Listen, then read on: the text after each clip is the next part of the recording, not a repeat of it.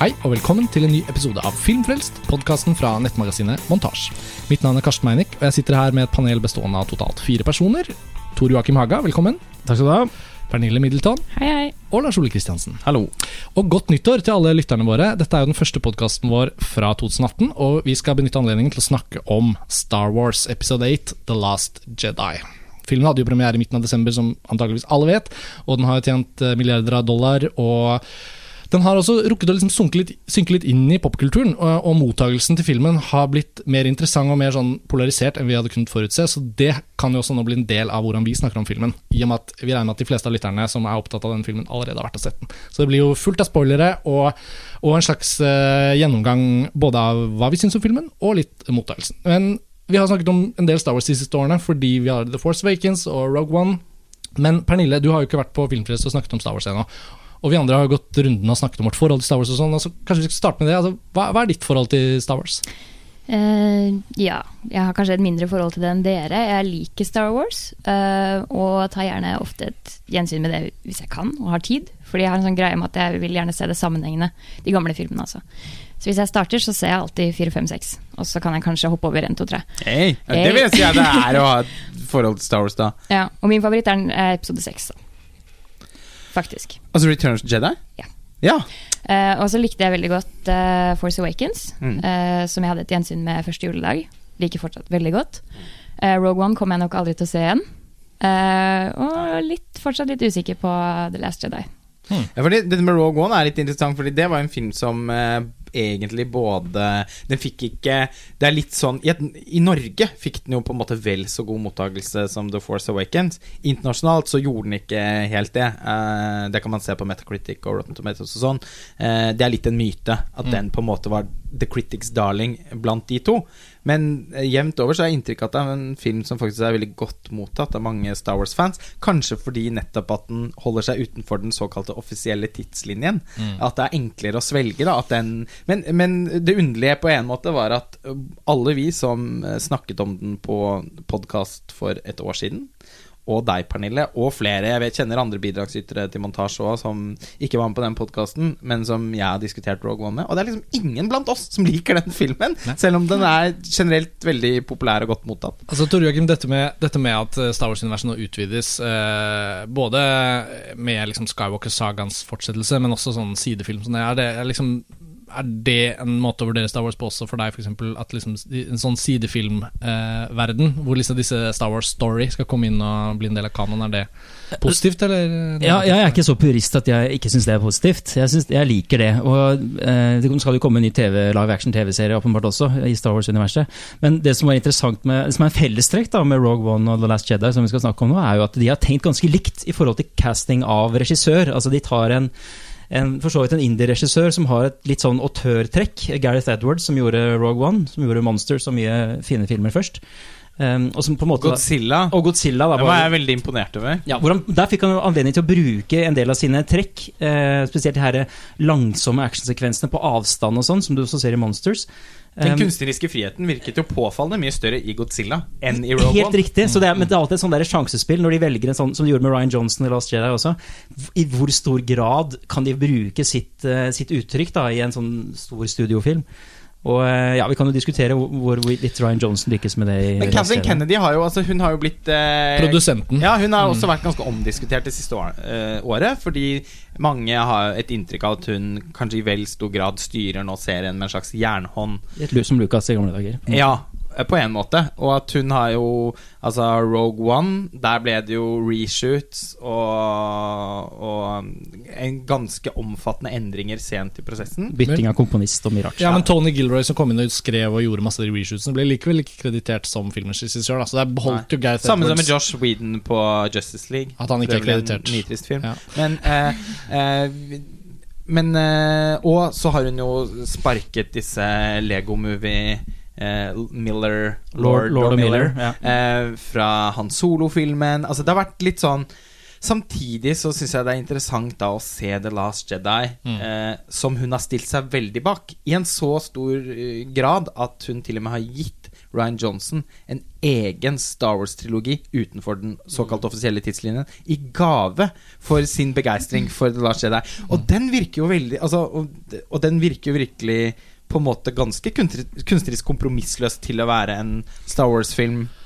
Ja, altså jeg, jeg er helt enig. jeg tror grunn, også Nå er jo Colin Trevorrow ble jo sparket fra nummer ni, som kommer snart. Og jeg, jeg håper jo innerst inne at det er et det var veldig, det var stor Veld, lettelse. veldig lettelse. Jeg Ja, håper at det er et uttrykk for, uh, fra Kathleen Kennedys side, at uh, man kan satse litt på disse her uh, mer eh, filmskaperne. Ja, fordi. Colin Trevorrow, for eksempel, som hun har kicket ut, er jo en helt totalt anonym filmskaper. Ja. Og han ødela jo også Jurassic Park. Ja, eller Jurassic World. ja. Ja. Tenk at han klarte det. Tenk at han klarte det. Men- Snakk om å pisse på barndoms eh, For, for å samle trådene, da, så det vi snakker om nå legger jo litt grunnlag for det vi skal komme inn i. Fordi mange av disse punktene er jo også med på å styre hva det er vi skal snakke om når vi snakker om hvordan The Last Jedi har blitt mottatt, og hvordan den har fungert som film for oss. Fordi Ryan Johnson og The Last Jedi har jo vært da den Star Wars-filmen som nye Lucas-film har hatt i produksjon, som har hatt minst rykter og buzz om at det går dårlig. Altså Det har bare vært en sånn følelse at der går det vel nå ganske bra. Og etter at The Force Awakens på alle måter ble en vellykket eh, reboot på en måte av hele Star Wars-greiene, så har jo folk vært enige om at det å følge Lucas Altså det å følge ja, Det var morsomt at det var Lucas jeg sa der. Skywalker. Eh, Skywalker-sagaen videre har jo blitt Lucas og Skywalker. Ja, jo, men Skywalker-sagaen har jo blitt veldig lystbetont å følge videre. Ikke bare fordi at de gamle folka kom og ble med i, i Force Awakens, men fordi de nye karakterene var så fantastiske. Altså Ray, Finn, Poe. Det var jo noe med Force Awakens som ble veldig sånn Disse vil jeg se mer film med. Det var ikke bare det å få, få se de gamle, men det var jo det at den nye fungerte så bra. Så da The Last Jedi har jo vært en film å glede seg til, også fordi man skal tilbake og møte disse nye Star Wars-figurene, og se hvordan uh, Luke eh, dras inn i historien, sånn som Force Awakens slutter, da. Så når vi nå skal liksom gå inn i den, så tenker jeg vi kunne kanskje først begynne litt med vår egen eh, oppfattelse av filmen, hvordan vi syns den var. Og så må vi fortelle litt om denne mottagelsen da, der ute i Ja, det fankulturen. ta. Det er ikke sikkert alle lytterne har fått det med seg. Du har jo allerede da lagt på bordet at du liker Force Awakens eh, veldig godt. Hvordan øh, opplevde du Last Jedi liksom satt opp mot Force Awakens? Um, jeg skal ikke si at The Last Jedi er en skuffelse. Det skal jeg ikke si. Eh, den var til tider veldig underholdende, men den har et uh, midtparti som jeg syns den sliter med. Eh, deler som er totalt forglemmelige, rett og slett.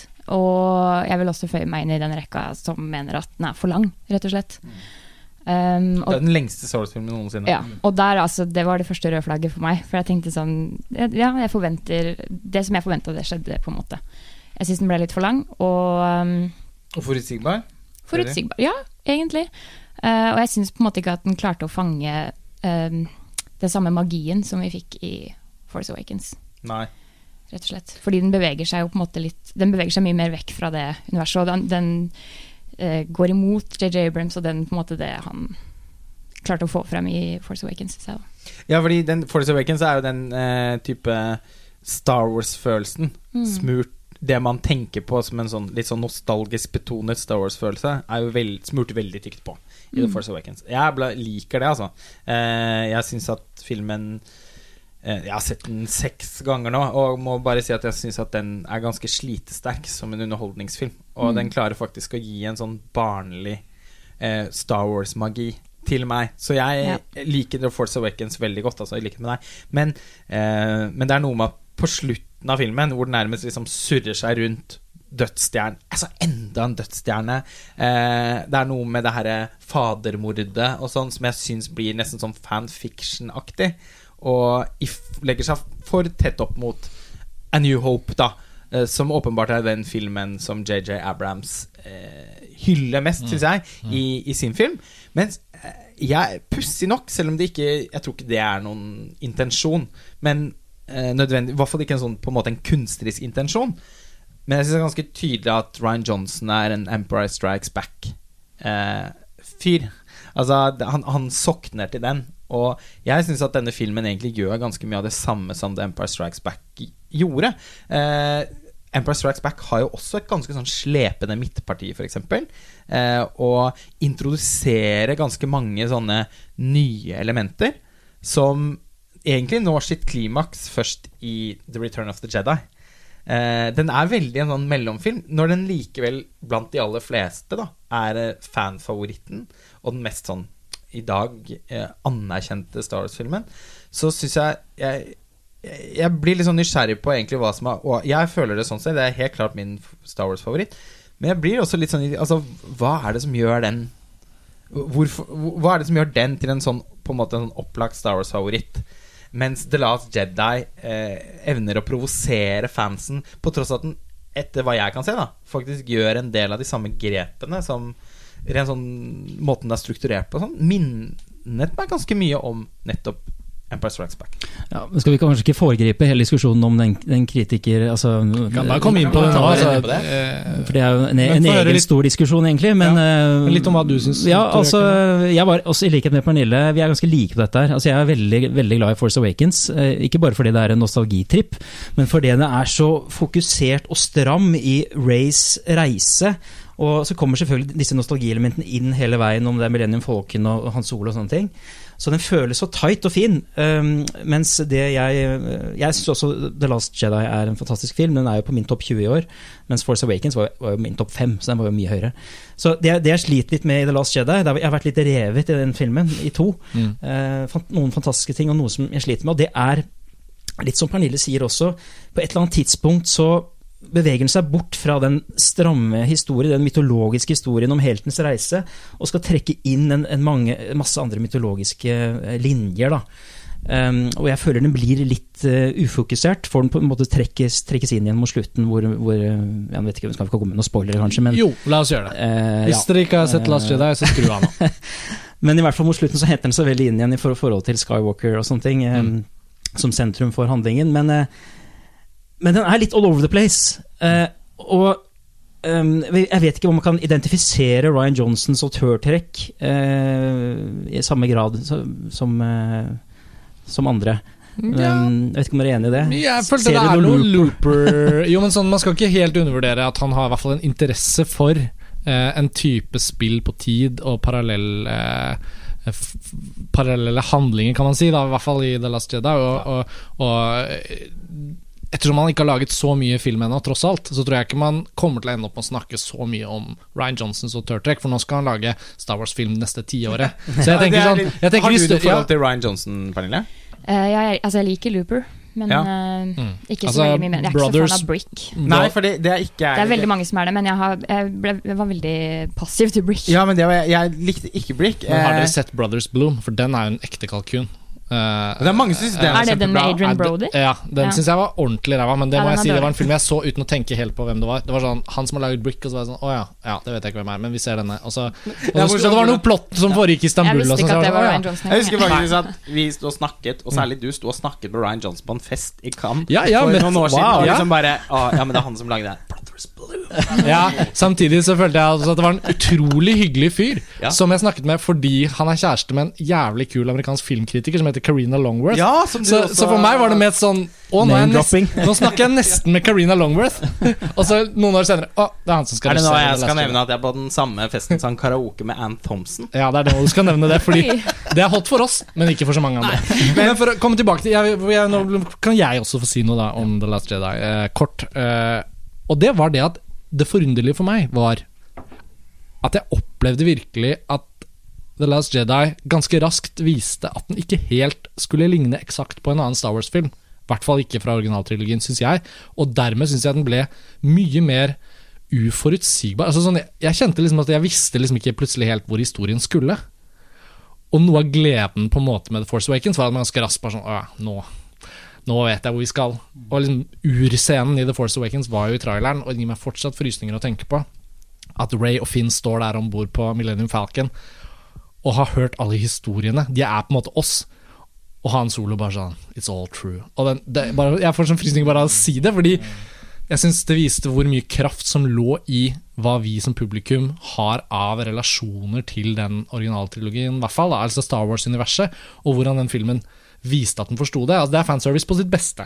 Og så tenker jeg at de som ikke syns Force Awakens fungerte fordi de syns det var en tro kopi av New Hope, ja, da tenker jeg sånn Ta alle mulige historier da som ligner på andre historier. Liksom sånn, det var ikke så ille, det.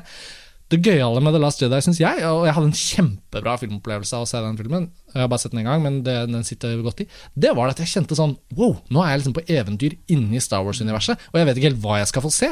Jeg likte ikke alt med en gang. Det er sånn når, når Luke Skywalker melker det dyret og drikker den der grønne melken. Og det var det morsomste i Jo, men liksom, vi kan komme inn på alt det der. Og det var, sånn, det var mange sånne aparte øyeblikk som var sånn Oi, det har de! Det har de. Men sånn som liksom, når Joda kommer tilbake, Ja. og jeg hørte på podkast etterpå sånn Alt er skutt med dukke. Det er ikke noe Nei, CGI. det så vi jo. Altså sånn, ja. Men jeg mener sånn av det blåskjæret. Skikkelig Jim Henson. Ikke for meg. eh, For meg var det bare sånn Oi. Ja. Men det blåskjæret er der i de gamle filmene når de kommer men- tilbake. Det var- det gjorde jo at det så ut som det ikke var en dokke, liksom. Det Nei, jeg syns jeg så dukken. Det jeg skal inn på der, er bare at nostalgielementene er jo her fortsatt. Men jeg opplevde faktisk Last Jedi som en mye mer sånn uh, ny Star Wars-opplevelse. Og det likte jeg. At jeg likte at den kombinerte de elementene. At det var absolutt en Skywalker-saga. Uh, sånn Men det er jo faktisk denne typen filmer som det her som kan sette litt sånn tonen for hva som skal lages. De kan jo ikke repetere og skape nostalgifølelsen for hver eneste film, hvis de skal lage nå For da blir det en utslitt altså, fire, fem, seks, ti filmer til. Ja, arkeeksempelet på den uforutsigbarheten som du sier, og som er helt, som jeg er helt enig med deg i. Eh, Man vet aldri hvilken retning historien plutselig skal ta. og Det er, det er både litt kritikkverdig, synes jeg, og også litt spennende. For meg var det mest positivt. Ja. Ja, og det, og det erkeeksempelet der, nå skal vi jo komme med spoiler, har vi sagt. Ja, ja, det er jo blir eh, Snokes uh, Denise, altså hans dødsfall. Snoke Ja. er bygget opp uh, gjennom Force Awakens som den store mytologiske skikkelsen bak.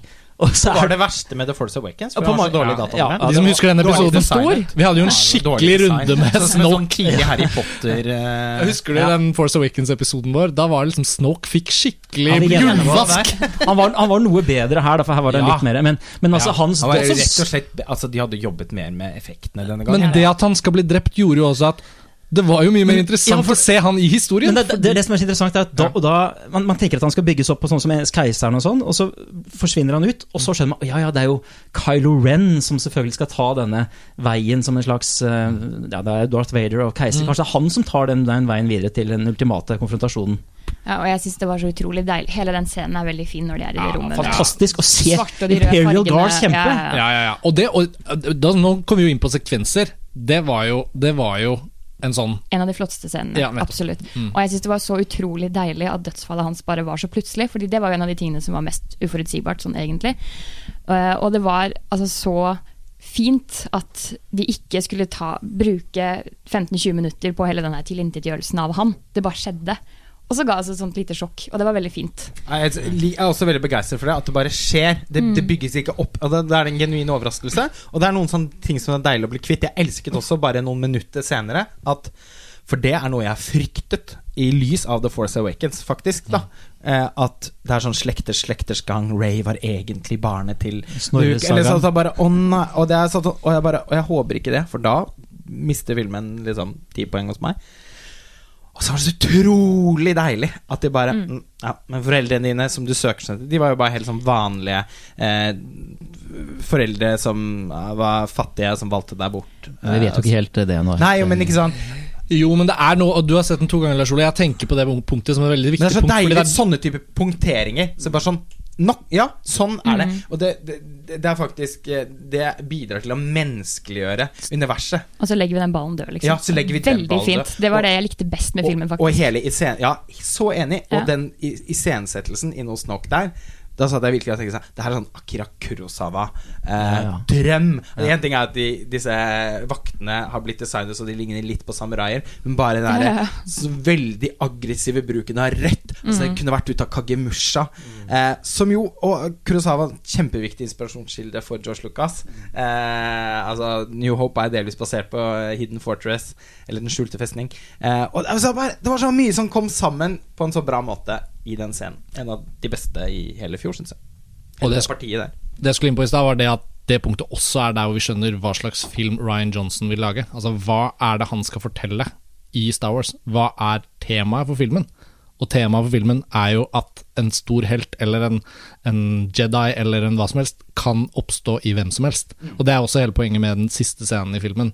Eh, og så kan man si hva man vil om den kasinobyen og sånn, men den har en rolle å spille som er mye større egentlig, tror jeg, for Ryan Johnson, i hvert fall sånn jeg tolker filmen.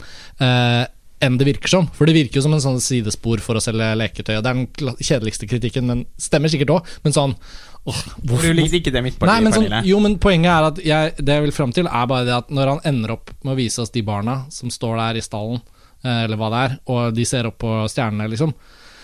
Og så kan man si om det er en bløt tematikk, liksom, men han har laget en Star Wars-film som han Og det er der det med Rays foreldre også betyr så mye. At det er jo sånn hun starter opp i The Force Awakens. Hun er jo bare another girl in the desert, liksom. Og sånn starter jo en New Hope òg, på sett og vis.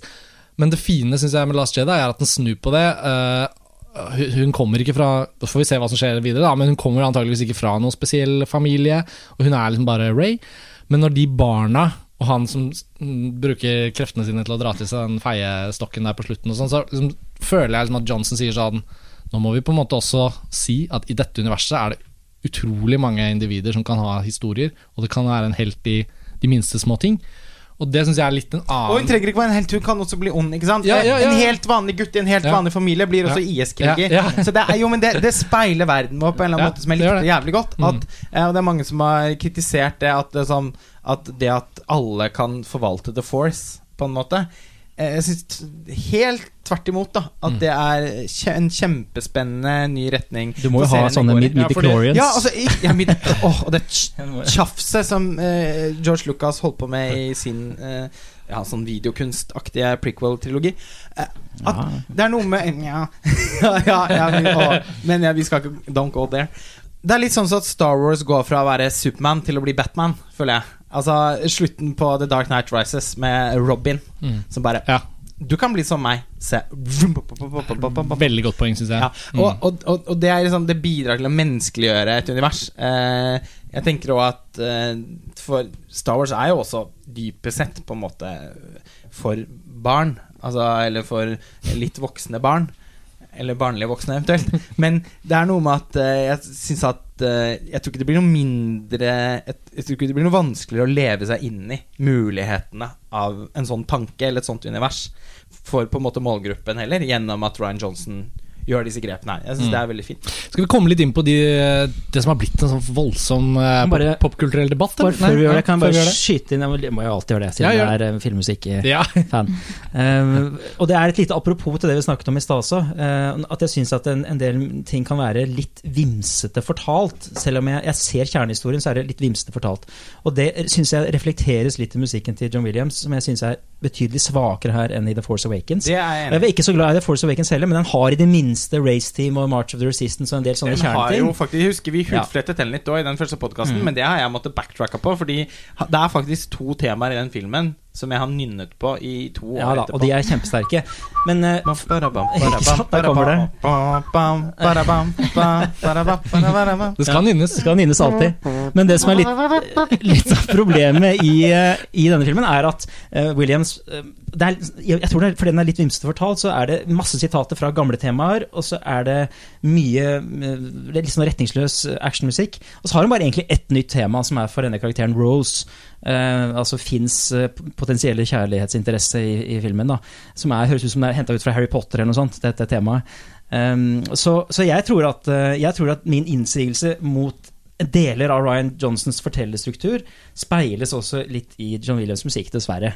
Um, så det bare, var bare en sånn apropos til det For det, innsigelsen for det er ma mange som har kritisert strukturen uh, til filmen. Og du- du var inne på, Pernille, at uh, du også syns det midtpartiet blir Ja. Hva er det liksom helt konkret at du føler at det ikke fungerer? Um, jeg syns kanskje den tar seg litt for god tid på enkelte ting som kunne vært uh, klippet ut. Uh, blant annet det her med at de er veldig mye på denne øya hvor Ray skal prøve å overtale Luke til å bli med, komme og hjelpe oss, og så syns jeg egentlig at han i denne filmen er en veldig grå, kjedelig figur, for å være helt ærlig. Og hun bruker ufattelig lang tid på å få han tilbake i spill, og så skjønner vi jo at han kommer til å gi etter etter hvert. Så bare gå dit, da, på en måte. Uh, så det, kanskje jeg ble litt utålmodig i enkelte den, steder. den, liksom, den er jo en multiplot-film. Eh, det er jo Empire Strikes Mm, Back. Og mm. A New Hope er jo ikke i så stor grad det. Den er litt som Force Awakens. Litt som Force Awakens. Så det er, det er der, og jeg føler at den følger, legger seg veldig tett opp mot uh, The Empire Strikes Back, en film da alle liker. Eh, så det, det, er der jeg syns det er litt interessant hva er det som fungerer i den, og som da eventuelt ikke fungerer for så mange i denne. Fordi det er en multiplot-fortelling, og man eh, Jeg syns jo alltid tenkt på at Eller alltid tenkt på Jeg har i hvert fall tenkt på det en del i det siste. At eh, jeg føler noen ganger at man snakker om de gamle Star Wars-filmene på en måte som om de var Lord of the Rings. Veldig sånn derre eh, tight fortellerrytme og voldsom sånn dramatisk patos og sånn. Det er jo ikke helt riktig. Det er, ganske sånn slentrende, masse de, små og veldig morsomme digresjoner. Mye humor.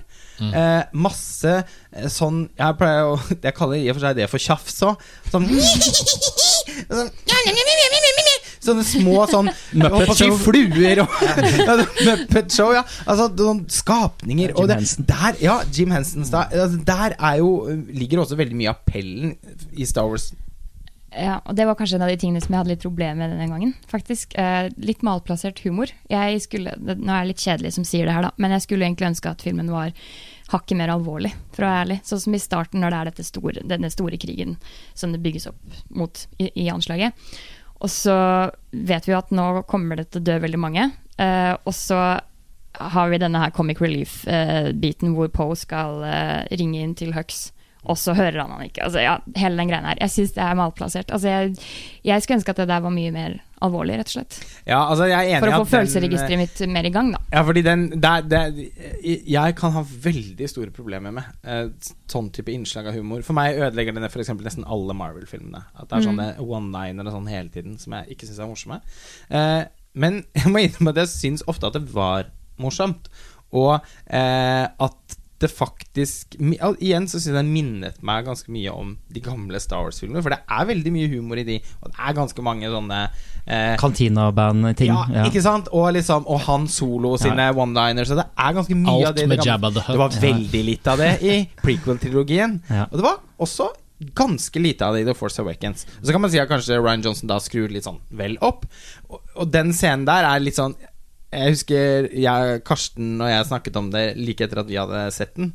Eh, på hvert vårt sted i hver vår by over telefon. At eh, den scenen der er egentlig litt sånn virker å være lagt inn nesten som en sånn icebreaker-scene.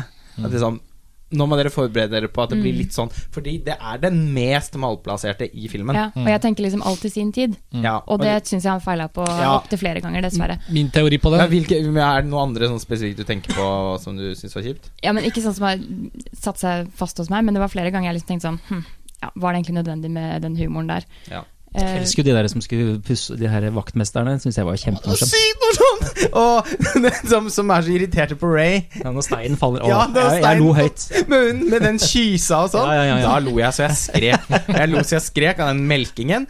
Av disse sånn kylling-bompibjørnaktige skapningene som Chewbacca griller på et tidspunkt. Porgs er det Ja. Det at de spiser dem, syns jeg var veldig morsomt. Kjempemorsomt. Eh, Det har vi ikke sett så mye i Star Wars. Nei, men altså, Nei, det, det var gøy. Det var altså gøy. ja, men når man ser Vegetarbudskapet. Liksom. Men noe av de morsomste tingene i både A New Hope og, og, um, og The Empire Strikes Back er jo disse innslagene som jeg har savnet sånn i, i de siste på en måte 30 årene Star Wars-filmer. synes Det var herlig å få det så tilbake igjen. Den, og det er grunnen til at jeg også er så begeistret for den kasinoscenen som så mange later til å ha problemer med. Jeg synes det var en, Altså, det var jo Cantina realness. Eh, det var det en del av i Force Awakens og i og for seg når de besøker hun eh, som spilles av Lupita. Mm. Hva er det hun heter Hun med brillene. Ja.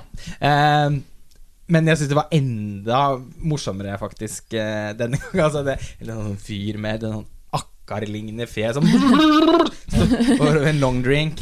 Eh, Boss Nas.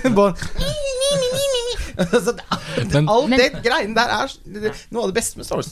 Der er jeg faktisk ganske enig med deg. Jeg syns også den kasinoscenen var ganske morsom, og et veldig kult flashy innslag, rett og slett. Men jeg hadde problemer med karakter... Theroux som Ja, det var en herlig cameo. Og da han sto der, så tenkte jeg å, det blir han som er han Ja, ja, ja, ja. Og jeg, jeg, jeg, ble, jeg ble glad for det. Nei, jeg, jeg ble glad for å se han, men jeg ble skuffa over at ikke han var med videre. For det var jo bare et par sekunder. Ja, og der, der ble jeg skuffa, for jeg likte ikke rollen til Benicio del Toro i det hele tatt. Nei.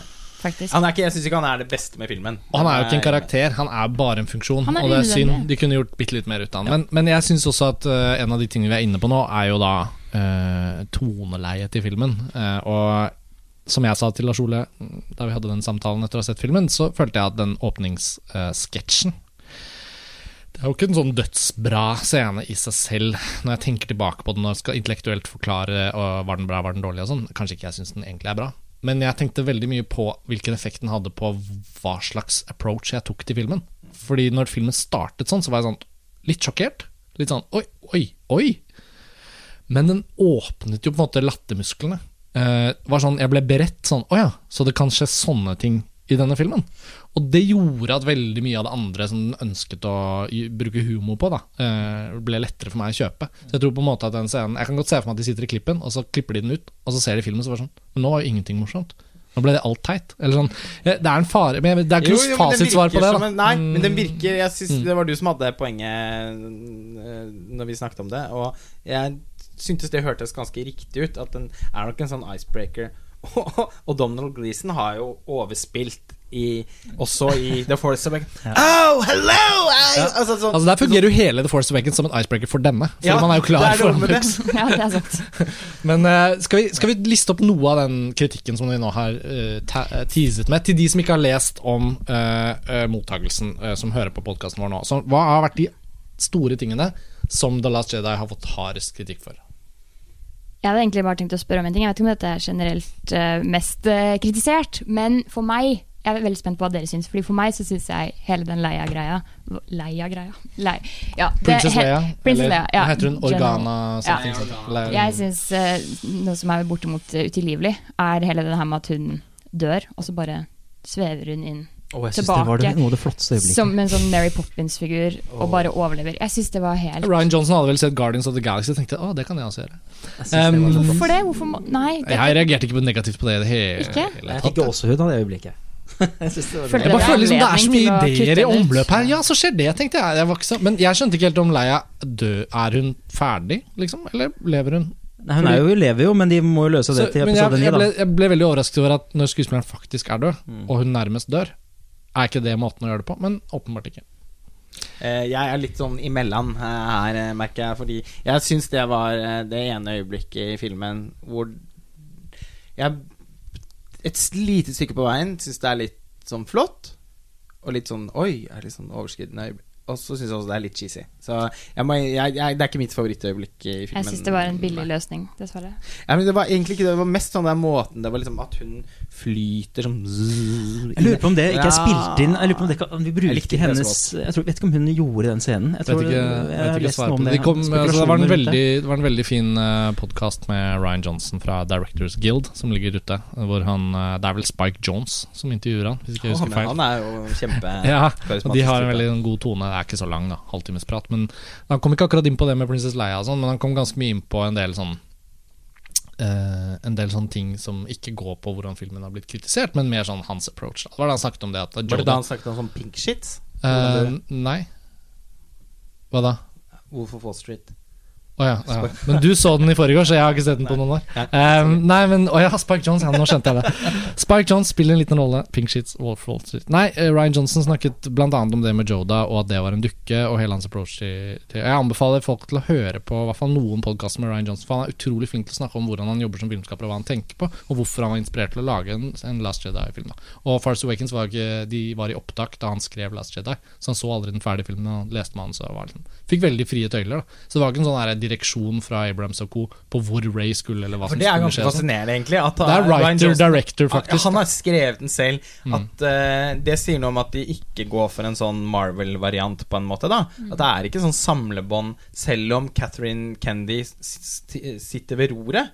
Så er det likevel egentlig åpnet for en ganske stor kunstnerisk frihet, bare de ikke misbruker kanskje da den tilliten. Men er ikke det paradoks i den kritikken som den har fått også? Altså At uh, Force Awakens ble kritisert av noen fordi den var for lik, og denne ble, blir da kritisert fordi den er for ulik. Ja, for det har fisket etter nå hele veien, ja. da noen av disse store fankritikkene. Det ble også Empire Strikes Back Ja, i sin og- tid. Og hva er, det de, hva er det liksom fansen reagerer på her? De reagerer på eh, Luke Skywalker. Han var ikke sånn. Han er Nei, ikke sånn. var Mark Hamill som selv gikk ut og åpenbart og sa at han eh, Og så har han korrigert seg selv litt etterpå, da. At ja. han følte ikke at det var helt rettferdiggjort, den, den skiftet i personlighet som han har.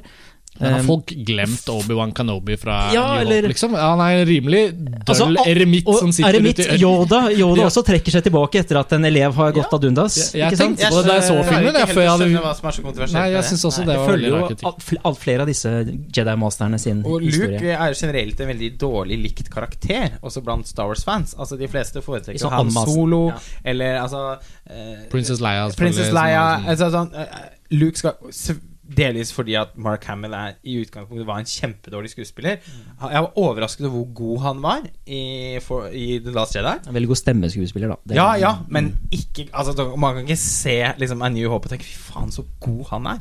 Han, han, han, Bad guy Hamilton nå. Ja. Ja, og slutten av Jane Silent Bob Strikes Back. Der kommer han jo og har en sånn Nei, men jeg synes han er ganske stiv skuespiller, i hvert fall. Ja. Han har ikke Harrison Fords karisma, akkurat. nei, nei. Eh, men han er, det er likevel han som er på en måte våre øyne og ører. Det er han vi, hans emosjonelle, eksistensielle reise som vi følger gjennom originaltrilogien. ja, så Sånn sett så har jo alle en veldig sterk relasjon til han.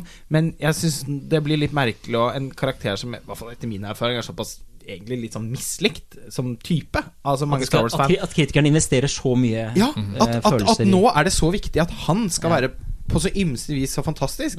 Eh, jeg synes han hadde... Det er et solid argument. Ja, jeg er helt enig. Merkelig argument. Jeg synes det var litt rart. Men det er også rart også at det har vært så mye reaksjon mot alle disse vesenene og figurene og sånt, Fordi det er jo, som du sa i stad, Lars Ole, det har jo vært en del av Star Wars-universet hele tiden. Altså at Hvis ikke man kjøper roboter som lager pipelyder, og snåle folk som dukker opp i bakgrunnen, og Star Wars som bare et univers, er jo fra Lucas' første ideer befolket med masse rare skapninger. sånn klunkete, hva heter Ja, det? det Sånn, på måte- sånn eh, Ja. Ja, de der, de der som samler Ja, de som samler skrapmetall på den Yes. eh, ørkenplaneten. Hva heter de? Eller den lille figuren som uh, Boba Fett har, som han er, ler veldig ved siden av. Det. Jabba the Hutt. Nei, han, han andre lille Boba Fett er jo Han ser jo Nei, ja, Jabba the Hutt, mener jeg. Ja, Den ja, den var den du han ser jo sånn så veldig. Det var den, det var den du parodierte. Ja, det blir ofte den.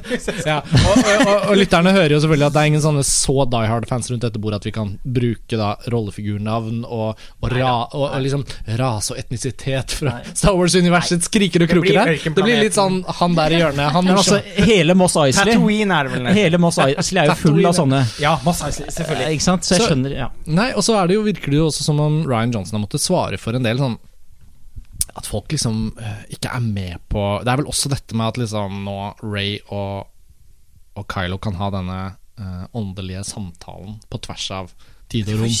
Er det, ikke, er det mange som har kritisert det? Ja, jeg har jeg plukket opp det. Jeg gjorde litt sånn forhåndsforberedelser her i går og, og så litt gjennom noe av det som jeg husker jeg har lest sånn på Twitter. Og sånn, noen av disse hardcore-folka som har vært inne og vært veldig opptatt av det. Og Men det En er ting jo er at virkelig å utvide universet. Nettopp! Og en annen ting er jo at han gjør en ganske smart ting som filmskaper der. Han lar, han lar oss være med i en parallell dialog mellom to rollefigurer som på en eller annen måte skal eh, åpenbart har veldig mye med hverandre å gjøre, også i den tredje filmen. Altså, sånn, de er jo allerede Men det å gi dem en mulighet til å ha en dialog Filmspråkets kryssklippingsmuligheter blir jo også utnyttet, og det er noen fantastiske overganger. Jeg elsker jo de gamle filmene, sånne overganger, sånn, vroom, sånn Ja. swipes og sånn. sånn.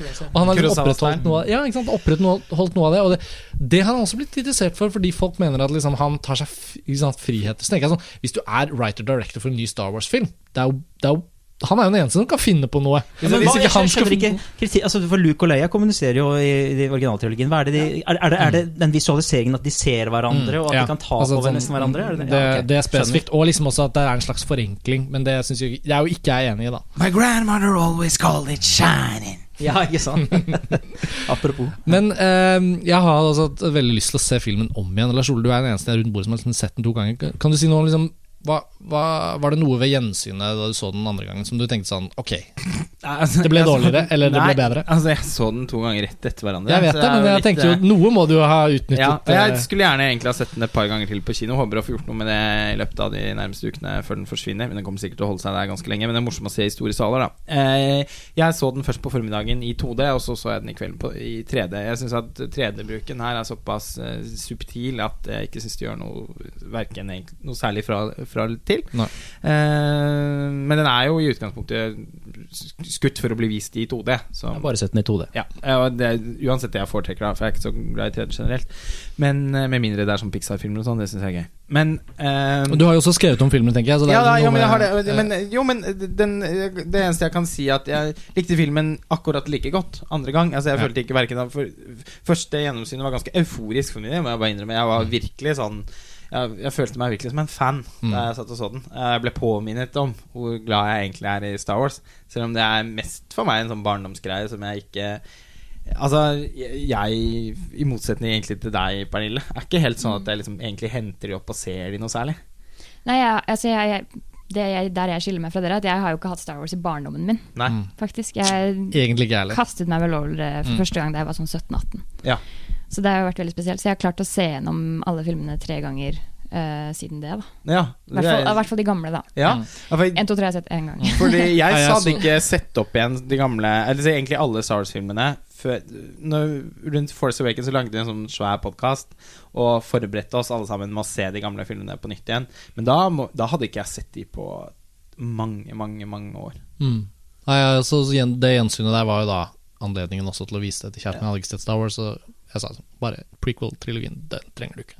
Eh, bare se originaltrilogien, så ser Jeg så du ser, prequel-trilogien jo, jo, men så ser du hvor godt du liker deg, liksom, skjønner? Eller Ja, altså, liker det eller ikke. Jeg så prequel-filmene, og det var, det var hardt, ass. Jeg syns det var nitrist. Jeg, jeg, altså, jeg var vel tolv når uh, The Phantom Menace kom. Det var ikke sånn at jeg ikke likte den filmen, på en måte. Det var, jeg så jo sikkert den 30 ganger på den gull-VHS-en. Eh, jeg så Attack of the Clones i hvert fall fem, seks, sju ganger på kino. Altså, ja, men ikke sant? Så, så jeg har egentlig alltid Alt i sin tid, på en måte. Ja. Barndommen, da er man Jeg har ikke egentlig noe negativt forhold til de. De var der for meg når jeg trengte dem. altså, eh, Altså, han har hatt prequel-trilogien eh, til nød og hjelp mange ganger. de Det var der når han nær trengte til det. hånds når jeg trengte deg.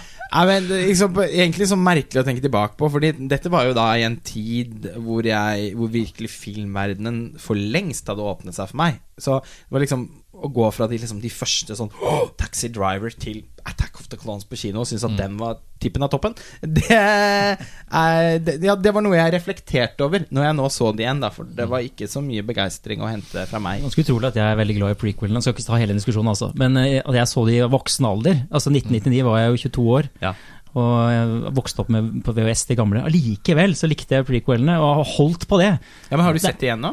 Ja, jeg så de opp igjen i forbindelse med tror jeg, det, forrige, ja. Mm. Jeg har ikke sett de så ofte som de originale, men det, var, det, var, det slo meg at de Mye, veldig mye bra i de, altså. Jo, men det er- som, altså- men det, det er en lang Jo, diskusjon, men, altså. altså, men Ja. det skal de ha. De er, et ny, de er genuint som pionerarbeid. Det er masse nyskaping der. Det er mange oppriktig interessante visuelle ideer. Gan, altså På sitt vis også ganske innflytelsesrike. Altså Ingen Gollum uten Jar Jar Binks. Eh, Mm. Og første spillefilmen som ble skutt digitalt, var det også. Så Ja, det er liksom- det er Attack of the Clones. Mm, mm. Så sånn, men man skal gi Jeg har begynt å tenke på det som en Altså, slags sånn kunst, Storfilm, da. kunstprosjekt. Men litt- Dogmefilm og sånn gjelder jo ikke når man sier Litt i likhet med Last Jedi, så mener jeg også at det er en del feilslått kritikk der. Folk som er veldig opptatt av at det er så veldig mye om disse tålegreiene og Men det er faktisk ikke er det! Ja, det er en del Nei, er det det er ikke mer enn 10-15 minutter av det. Altså, jeg har sett opp igjen og ser at det, det er, er 15 seine det er kritikk igjen som har liksom hausa til å gjelde hele tiden har du prøvd å lese særlig den oversatte norske utgaven av forteksten i The Phantom Menace? Med de tolvsatsene Jo, jo, jo, men, men jeg syns det er en, også litt som i Last Jedi, litt feilslått. Ok, Overvurdert ok, ok. kritikk. Ja. Eh, Vi, eh, vi, eh, Men vi må Christensen også, altså, det er ganske grusomt, syns Nei, det er mange ting vi kan snakke om der, men det Mye fælt spill og grusom Ja, dialog. Men vi kan stramme oss inn mot Last Jedi og snakke om at det de er virkelig på plass med nå i disse, den nye Star Wars-æraen, er jo også at det er veldig mye utrolig bra casting og, og skuespillere som leverer fantastisk bra innenfor et ganske søkt univers, da, hvis man skal ta den derre Er det ikke rart at uh, Mange sier jo at Kylo Ren, altså han det godeste Adam Driver Adam Driver, var det Anakin skulle vært. Altså den eh, rolletolkningen som han gjør, er det som Anakin og Hayden Det som ikke Hayden Christensen helt fikk til. Nei, så det er jo et eksempel på glimrende casting. Ja, men altså den nye like something special? En pærebit. Ja, men også altså, Hva syns dere om de nye rollefigurene da som ble introdusert i Last Jedi? Ikke minst Rose. da som jeg, jeg ble veldig grepet av den historien, faktisk. Jeg er overrasket, fordi når de, bombe, når de der, eh, hva heter de, bombers skulle slippe disse, denne bombelasten i åpningsactionscenen, og så er det liksom til slutt bare én igjen, og der ligger hun ene eh, asiatiske skuespilleren som eh, ikke på en måte har replikker, og så får hun til slutt får, får trykket på den knappen, husker ikke helt akkurat hvordan det skjer, og så, og så ofrer hun seg. Det er ganske mange som ofrer seg i denne filmen. Det kan vi også komme Litt litt sånn Rogue One, ikke, Ja. ja, men jeg synes det, og det var jo det ene som jeg syns virkelig var bra med Rogue One, som jeg tenkte sånn Det visste man jo før den kom òg, fordi man vet at liksom a lot of, hva er, Hvordan er det sitatet igjen? Ikke. Eh, mange rebels måtte bøte med livet for å skaffe Death Star-planene. Men eh, Rose var jo da for meg en sånn perfekt sånn måte å introdusere en ny rollefigur på, som både føltes organisk, kom ut fra Star Wars-universet, men så representerte det Ryan Johnson skal lage en film om. At hun er en, eh, en sånn skru på mutteret nede i kjelleren der, og hun har også muligheten til å bli en helt. Veldig sjarmerende karakter. Mm. Jeg blir ikke så grepet av henne, da. Men eh, Hvordan er det mulig å ikke bli grepet? Ja, nei, vi trenger ikke ta den, Ja, men hva var det du likte med henne, da? Hun var bare veldig Hun var sånn gjennomsyra god og søt og ressurssterk, rett og slett. Mm. Og det Ja, og det, det, det som var veldig fint med The Last Jedi, føler jeg, det er at det, det ble veldig fort kvinnenes film. Ja, det er jo altså det er, er, jo- jeg likte også hun, altså henne kjempegodt. Jeg synes hun, hun ble nesten litt sånn filmens hjerte, på en eller annen måte. Eh, fordi hun var virkelig en ny, en ny karakter, og, eh, og som på en måte Man ser konturene av en ganske sånn fin storyline med henne. Og det er virkelig kvinnenes film. Ja, det Altså, er de som fikser og Ray- liksom holder beina på jorda, Rose, jeg på å si. Laura Dern, som denne ganske Jo, men altså sånn litt sånn arrogante badass Men så eh, viser det seg med kamikaze-spirit Ja, ja, når det kommer til Kjempesterkt. Og, og Leia, selvfølgelig. Som er sånn, den, det er også noe av det filmen har fått mest kritikk for. Den tristeste kritikken mot filmen eh, fra disse fanmiljøene, av at de syns at eh, eh, det er noe sånn politisk korrekt da over at uh, nesten alle de mest Eller i hvert fall mange av de mest eh, handlekraftige uh, og sterke rollefigurene er, er kvinner. Det er jo et veldig Der, der føler jeg jo også virkelig Ryan Johnson lykkes med å modernisere universet. At uh, hvis Star Wars skal føles relevant for både jenter og gutter Mm. uh, Jeg tror det er like mange uh, jenter i dag som går og ser på Star Wars, som det er gutter. Det er en sånn uh, feilslutning, tror jeg. At det er en sånn guttegreie. Og det er veldig deilig at ikke det føles som en typisk guttefilm, rett og slett. Nei, for For det gjør jo ofte actionfilmer. Ja, ikke sant? Og det at man faktisk tar noen Jeg er helt sikker på at altså, det er jo tydelig et bevisst valg, men et veldig, veldig riktig valg, for å avguttifisere. Eh, så fordi det er jo så poengløst å holde det gående. Og det er, det er en smart måte å tjene penger på. Disney er jo ikke idioter heller. De kjøpte jo ikke Lucasfilm uten grunn. Jeg har lest nå at eh, filmene allerede spilte inn de fire milliardene de betalte til George Lucas for å eie Lucasfilm. Da.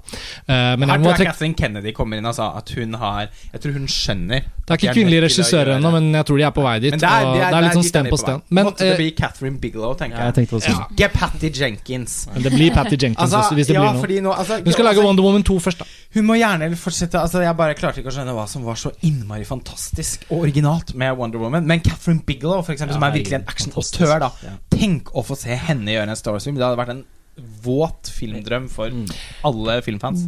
Kort komme tilbake til hun som spiller Rose, da, Kelly Marie, Kelly Marie Tran, som var også en helt ukjent uh, person, akkurat sånn som Daisy Ridley var det da hun fikk rollen som Ray. Eh, jeg- litt anekdotisk, men jeg så en veldig sånn fin eh, fortelling fra hennes eh, opplevelse av å spille en så sentral rolle i en ny Star Wars-film rundt premierene. Og det, jeg tror bare det er med å illustrere litt eh, ting som kanskje vi som sånn hvite, vanlige nordmenn kanskje ikke helt ser og føler, men som vi sikkert forstår. Det er jo liksom den opplevelsen jeg tror mange opplevde gjennom å se f.eks. en asiatisk-amerikansk eh, etnisk utseende person ha en så sentral rolle i den filmen.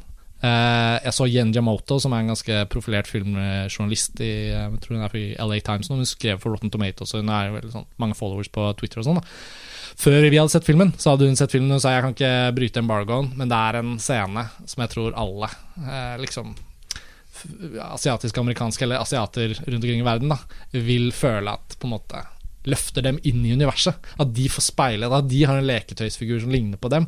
Eh, og John Boyega han var jo på en måte ikke den første sorte som spilte en rollefigur i Star Wars, men hvis du tenker på Lando Calrissian og sånn. Men, men likevel, da, de to filmene her Man skal ikke utelukke det, og så kan man si at det er politisk korrekt og sånn, men Ja, men det er millioner, ja, for det er Det er millioner av barn Nei, det er millioner av barn Ja, og unge det som elsker Star Wars, og som nå får sine folk, da. Men det syns jeg man skal tenke på. I en så, såpass type stor og konseptuell franchise som Star Wars strengt tatt er, Ja. syns jeg helt klart man skal tenke på de tingene. Og jeg syns det er veldig bra at de, når de da har eh, sørget for å ha eh, kjønnsbalanse og eh, ulike etnisiteter i bærende roller osv., syns jeg da det er bra at de f.eks. ikke har tatt inn en kinesisk skuespillerinne for å tekkes det kine kinesiske markedet. Det er ingen sånne type kyniske grep som gjør det kjipere. For det var det jeg skulle si. At hun, puddingaktig eh, Nettopp. over det her i det hele tatt. Nettopp. Og hun Kelly Marie Tran hun er da en amerikansk jente som eh, har foreldre fra Vietnam, som kom til USA som flyktninger etter krigen og sånn. Og, eh, og hun fortalte at hun da hadde vært eh, på en måte på premieren i Los Angeles, og selvfølgelig og sånn. Og så hadde hun vært i London eh, i forbindelse med presserunden der. Og så hadde de vært, hun, hun og noen kollegaer eller venner hadde vært på pub, og så hadde de da bokstavelig talt fått liksom åtte fans på bordet ved siden av som kom fra filmen, og satt og snakket om hennes rollefigur og bare var helt ekstatiske. Og så etter at de hadde snakket, så snudde hun seg og sa sånn You know, guys, it's actually me in that movie, and I'm so happy to Og så tok de, og så tok de bilder sammen og la ut på Instagram. også. Altså, bare, hun, måten hun Kelly Marie Tran Nå blir jo hun selvfølgelig et kjent navn, sånn som Daisy Ridley har blitt det, tror jeg. Fordi det er ikke så mange da som er så profilerte skuespillere med f.eks. asiatisk-amerikansk bakgrunn. Da, sånn at det kommer sikkert til å være en veldig eh, karriereskapende eh, opplevelse for henne. Men fortsatt har jo ikke hun da den Hun har jo ikke liksom blitt eh, eh, vant med det, da.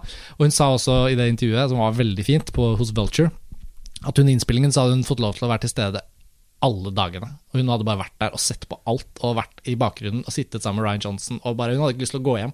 Så selv når ikke hun var på sett og spilte rollen sin, så hadde hun vært der og sett på alt. Og Men liksom det er noe noe overskuddsaktig over Ja, denne bare- filmen, er det ikke det? Jo, altså, det akkurat det var en kjempeoppdagelse. Nydelig rollefigur, kjempefint spilt. Eh, jeg syns at veldig mange av skuespillerne virkelig liksom gjør sitt for å skape historier.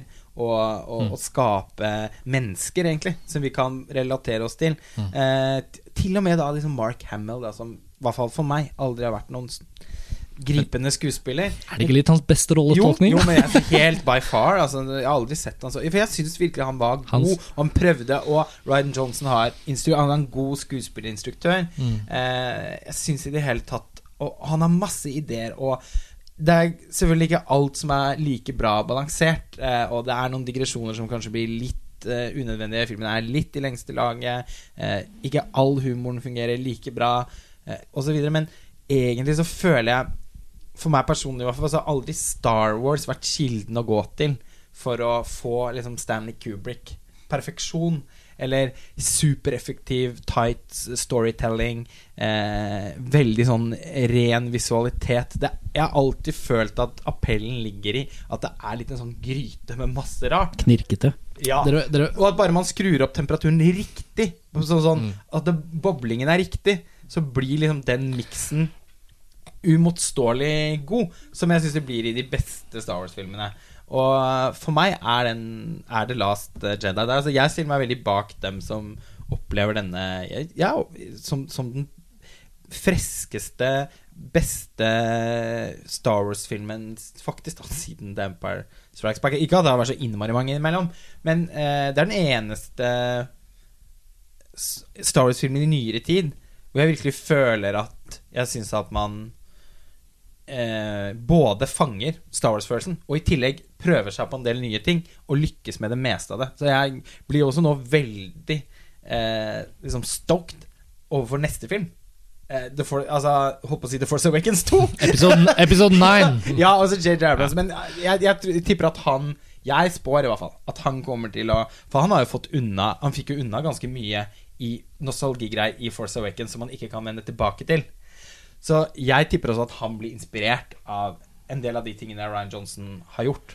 Dere husker den gamle leken hvor man tar et hvitt ark, og så bretter man det, og så er det en som tegner hodet, og så får du liksom en brett videre, og så må du tegne kroppen, og så må noen andre tegne resten. Jeg føler på en måte at JJ Abrams nå mottar det arket, og så jukser han, så ser han så bare sånn Wow! Ryan Johnson har tegnet masse som ikke jeg hadde måte, tenkt på, eller Liksom sånn Friheten han får når han skal tegne beina og føttene nå, da, er jo på en måte Jo, sånn, Jeg føler at liksom, John, nei, JJ Abrams kan sannsynligvis gå til Star Wars-universet nå med mye lavere skuldre, også fordi han løste det så bra i den første runden. Men nå har jo på en måte Ryan Johnson ikke bare trygget linjen på midten. Og det, Jeg er helt enig med deg, Lars Ole. Jeg syns episode 9 blir jo nå mye lettere å glede seg til, men også mye vanskeligere å forutse hva det blir. Fordi Det kan lett bli en sånn Dark Knight-film, tenker jeg. Altså, sånn, om, om dette her var Batman Begins.